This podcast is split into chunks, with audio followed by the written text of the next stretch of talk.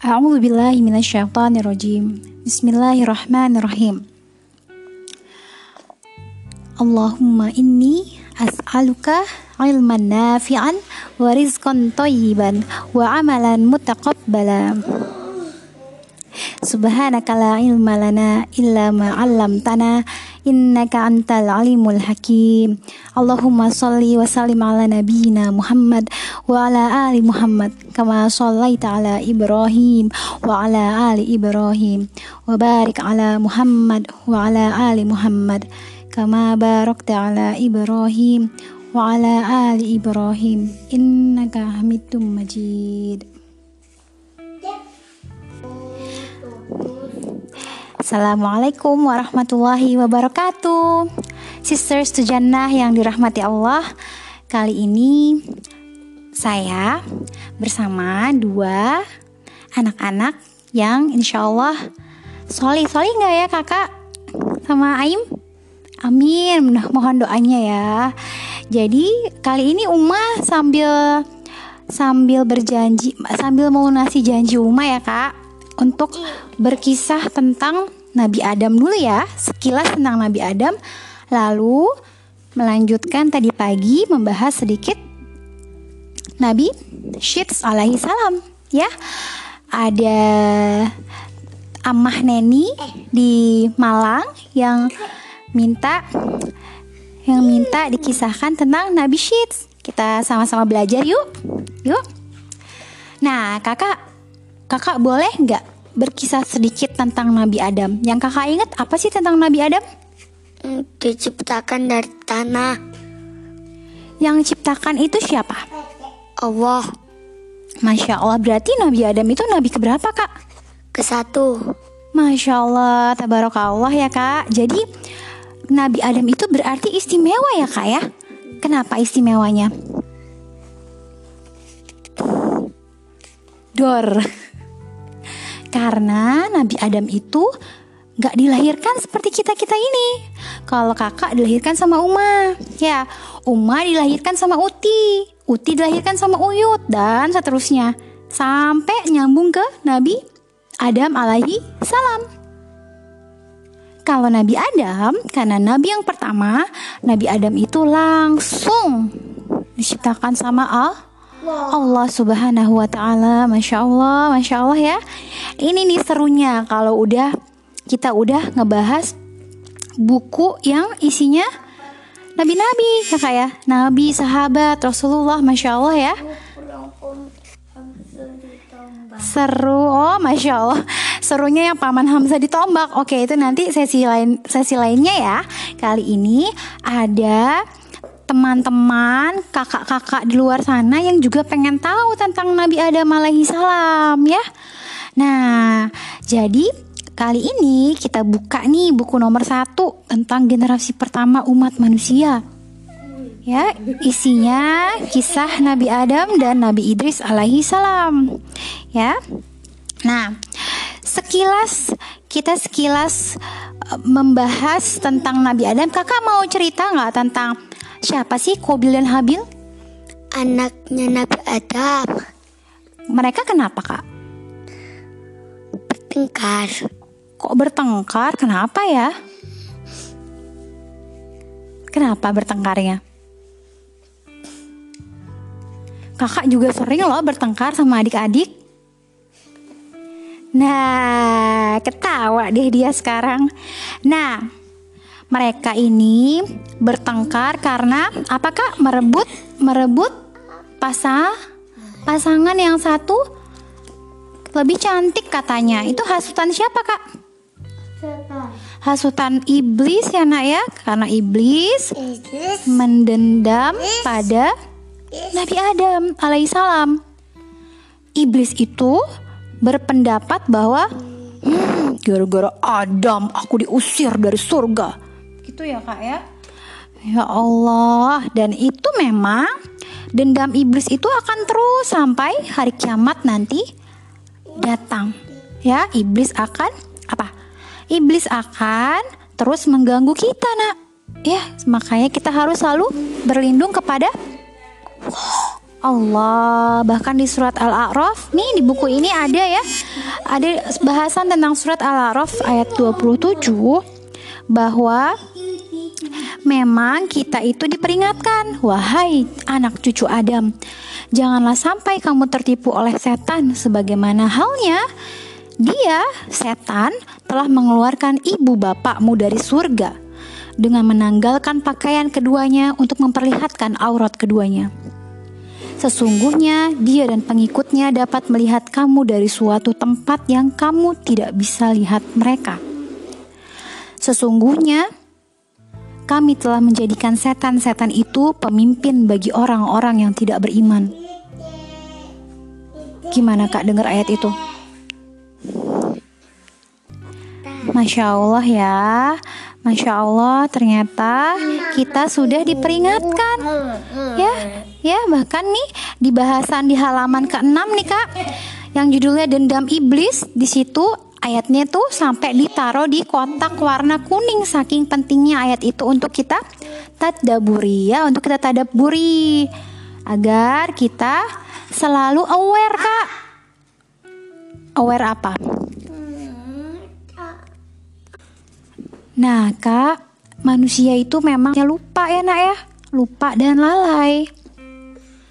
Nah, hari itu iblis tuh berhasil, berhasil membujuk Adam dan Hawa.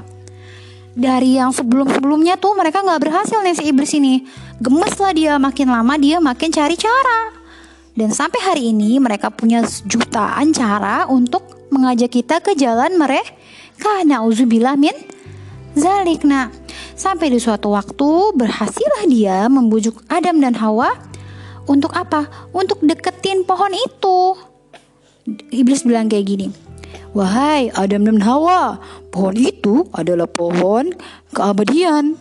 Jika kalian memakannya, kalian akan abadi di surga. Allah tidak ingin kalian memakan buah itu karena Allah takut kalian akan abadi seperti malaikat. Akhirnya terjebaklah mereka, Kak. Terjebaklah kali ini, Kak. Adam dan Hawa memetik buah pohon larangan itu. Seketika itu lenyap semua pakaian yang melekat di tubuh mereka. Ya Allah, bahkan manusia sekelas Nabi Adam pun bisa terkena rayuan iblis. Ya, itu mengapa dalam setiap saat kita kita harus apa, Kak? Mengingat Allah. Berzikir ya, dari mulai kita bangun tidur sampai mau tidur lah. Gi, supaya apa? Supaya tidak mudah diganggu oleh si iblis ini. Nah, singkat cerita ya, karena kalau Uma bacakan satu persatu, kita bisa berjam-jam ini berkisahnya karena seru banget setiap halaman itu kisahnya itu ada banyak sekali yang hal yang Uma baru tahu kakak juga ya Ya, masya Allah. Seperti anak-anak Nabi Adam itu, singkat cerita, ketika mereka sudah turun di bumi, tidak lagi di surga, mereka menjalani kehidupan baru mereka, kak. Nabi Adam alaihissalam menjadi khalifah di bumi. Tugas beliau begitu berat. Ya, namun Nabi Adam alaihissalam dan ibunda Hawa menjalaninya dengan penuh keikhlasan. Nah, gak lama nih kak, ibunda Hawa itu mengandung lahirnya anak-anaknya tuh kembar-kembar kembar-kembar gitu. Ya, contohnya nih yang yang dilahirkan itu yang pertama itu Kobil dan Iklima. Lalu kembar lagi Habil dan Labuda. Ya, lalu selanjutnya itu hampir semuanya lahirnya kembar-kembar-kembar. Masya Allah ya. Ya, masya Allah, tabarakallah ya nak ya. Nah, itu nak, iya itu Aim, itu anak-anaknya Nabi Adam dan ibunda Hawa. Kebanyakan dari mereka kembar, kembar sayang, ya. Tapi mereka bukan berarti kehidupan mereka yang bahagia itu di bumi, bukan berarti tidak lagi diperhatikan oleh iblis. Iblis selalu mengintai mereka Iblis, iblis sayang, berusaha menyesatkan Nabi Adam dan keturunannya. Dia nggak pernah nyerah iblis itu kak, ya. sampai akhirnya Masya Allah ya sampai akhirnya anak-anak Nabi Adam alaihissalam yang paling sering disebut di dalam Al-Quran adalah Kobil dan Habil. Kobil ini saudara kembar Iklima. Ya, siapa saudara kembarnya? Iklima. Iklima. Iklima. Iklima. Ya, Ke L. pakai L sayang, pakai L. Iklima. Iklima. Ya, dan Habil saudara kembarnya La Buddha. La Buddha. Nah, Kobil ini bekerjanya sebagai pengolah ladang, nak. Sedangkan Habil memelihara binatang. Be. Binatang apa itu? Kambing. Binatang kambing, binatang ternak ya, masya Allah, tabarakallah. Semuanya itu rajin kerjanya, nak. Ya, rajin rajinan kerjanya mereka. Nah, satu ketika Nabi Adam itu ingin meneruskan keturunannya. Ah, Nabi Adam bermaksud menikahkan anak-anaknya. Dengan petunjuk Allah Subhanahu wa taala, Nabi Adam itu mau menikahkan mereka secara silang. Jadi, saudara kembarnya Kobil yaitu Iklima harus menikah dengan Labuda. Ya, sedangkan saudara kembarnya Habil yaitu Labuda harus menikah eh Kobil harus menikah dengan Labuda ya betul dan Habil harus menikah dengan Iklima. Jadi ditukar gitu, Kak. Ya. Nah, awalnya keputusan ini mereka bisa menerima dengan baik awalnya, tapi iblis kira-kira suka nggak? Ya nggak suka lah ya melihat orang bahagia dan rukun dan damai. Iblis kerjanya memporak-porandakan setiap keluarga, setiap hamba Allah. Ya Allah, lindungi kami semua, ya. Tanpa perlindungan Allah, kita ini benar-benar nggak bisa apa-apa kak dari godaan i Iblis. iblis. Nauzubillah min za min zalik ya Allah. Mudah-mudahan kita semua terlalu selalu terlindung dari kejahatan iblis dan sekutunya ya. Nah, kemudian iblis ini tidak membiarkan Nabi Adam hidup tenang, ya. Nah, Nabi Adam dan keluarganya mulai kembali di Kamu belum tutup. diganggu oleh rencana iblis. Dan ini jahat sekali kak rencananya. Kakak tahu nggak rencananya gimana? Iblis itu dia mendekati si Kobil. Dia bilang gini, Hei kenapa kamu kok ngalah gitu aja sih? Itu loh Iklima. Dia tuh jauh lebih cantik daripada Labuda. Kamu kok mau aja sih sama sama si Labuda? Ya, gitu bisiknya iblis ya. Lalu Kobil bilang gini dengan tenang bilang gini, begitulah petunjuk dari Allah. Iblis nyerah nggak kira-kira? Enggak. Ya enggak lah, iblis nggak pernah nyerah nak, ya. Iblis terus membujuk si Kobil sampai-sampai dia bilang gini, Heh, kamu nggak tahu sih, itu tuh cuma akal-akalan ayahmu saja itu si Adam. Sungguhnya ya, ayahmu itu lebih sayang sama si Habil daripada sama kamu. Kamu nggak tahu itu, kata si iblis terus-terusan dibujuk si Kobil ini. Ya, akhirnya suatu saat Kobil terbujuk oleh rayuan iblis. Dia menolak ya, menolak, menolak keputusan ayahnya sendiri, Nabi Adam alaihi salam. Dia bilang, aku ingin menikahi Iklima karena Iklima itu lebih cantik dibanding Labuda. Dia mau menikahi saudaranya sendiri. Ya. Dan Nabi Adam itu sedih loh kak ketika itu.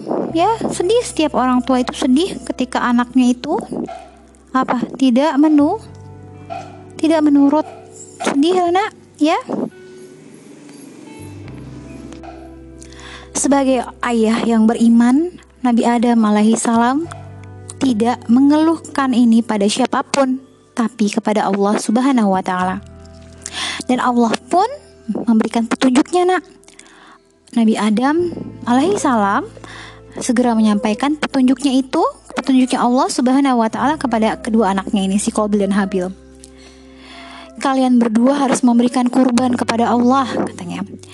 Siapa yang kurbannya diterima oleh Allah, dia berhak menerima memilih calon istrinya. Kata Nabi Adam alaihi salam. Anak-anakku, berkurbanlah dengan benda yang paling kau sayangi. Ya, lanjutnya Nabi Adam. Baiklah ayah, jawab Habil.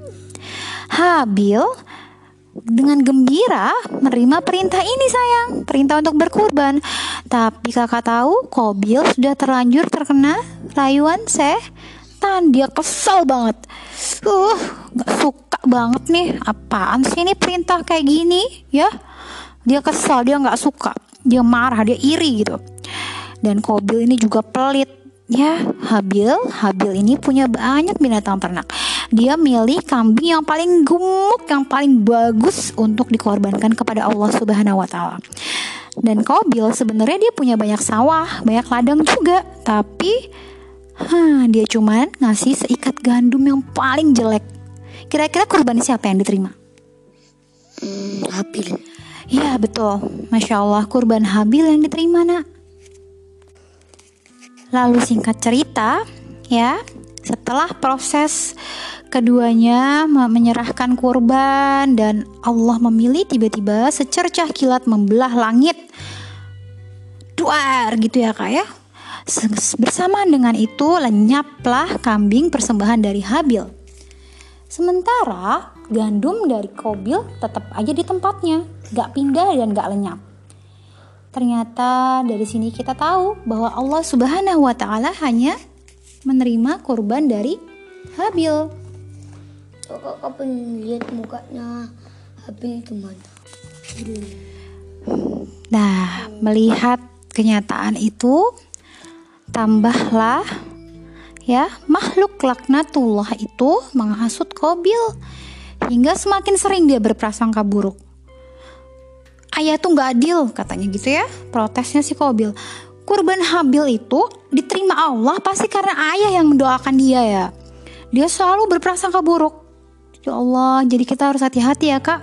Ketika kita punya prasangka buruk atau suuzon, tandanya siapa yang bisik-bisik? Setan.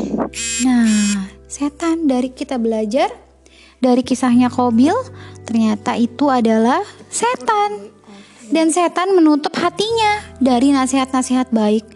Dendamnya semakin membara. Hmm, lihat ya suatu saat aku pasti akan membunuhmu. Si Kobil mengancam Habil. Ya ya ya Allah. Dan iblis tambah bersorak-sorai Yeay gitu kan. Ayo ayo ayo bunuh bunuh bunuh bunuh gitu kan. Bunuh saja Habil. Dia itu telah merebut iklima darimu. Ayo ayo terus bunuh saja dia. Ayo habisi dia. Nah iblis selalu kayak gitu. Makanya kalau kita Kalau kita Astagfirullahaladzim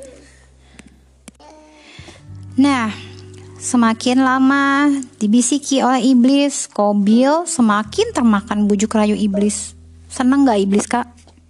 Senang. Seneng banget. Nggak ada yang paling disenangin selain manusia itu ikut di jalannya. Ya? Masya Allah, Masya Allah. Semoga Allah selalu lindungi kita ya nak ya. Ini di kotak sebelahnya tuh ada hadis tentang dosa pembunuhan nak. Dari riwayat Bukhari dan Muslim. Sebentar saya sini nak, sini nak, sini bareng-bareng bacanya. Hadis ini sabda Rasulullah Shallallahu Alaihi Wasallam dari riwayat Bukhari dan Muslim. Tidaklah dibunuh suatu jiwa dengan zolim, melainkan dosa pembunuhan itu akan ditanggung pula oleh anak Adam yang pertama, Kobil, karena dialah yang pertama memberi contoh pembunuhan. Hadis riwayat Bukhari dan Muslim. Sedih pastinya kak, sedih sekali perasaan ibunda Hawa. Enak ya? Ada anaknya yang dibunuh oleh saudaranya. Sampai suatu saat mereka merasa sangat sedih. Kedua putranya ini menghilang. Mereka tidak pernah tahu kalau ternyata apa yang terjadi pada Habil dan apa yang terjadi pada Kobil itu tidak ada yang memberikan keterangan kepada Adam dan juga ibunda Hawa. Nabi Adam tak pernah putus asa berdoa kepada Allah Subhanahu wa taala.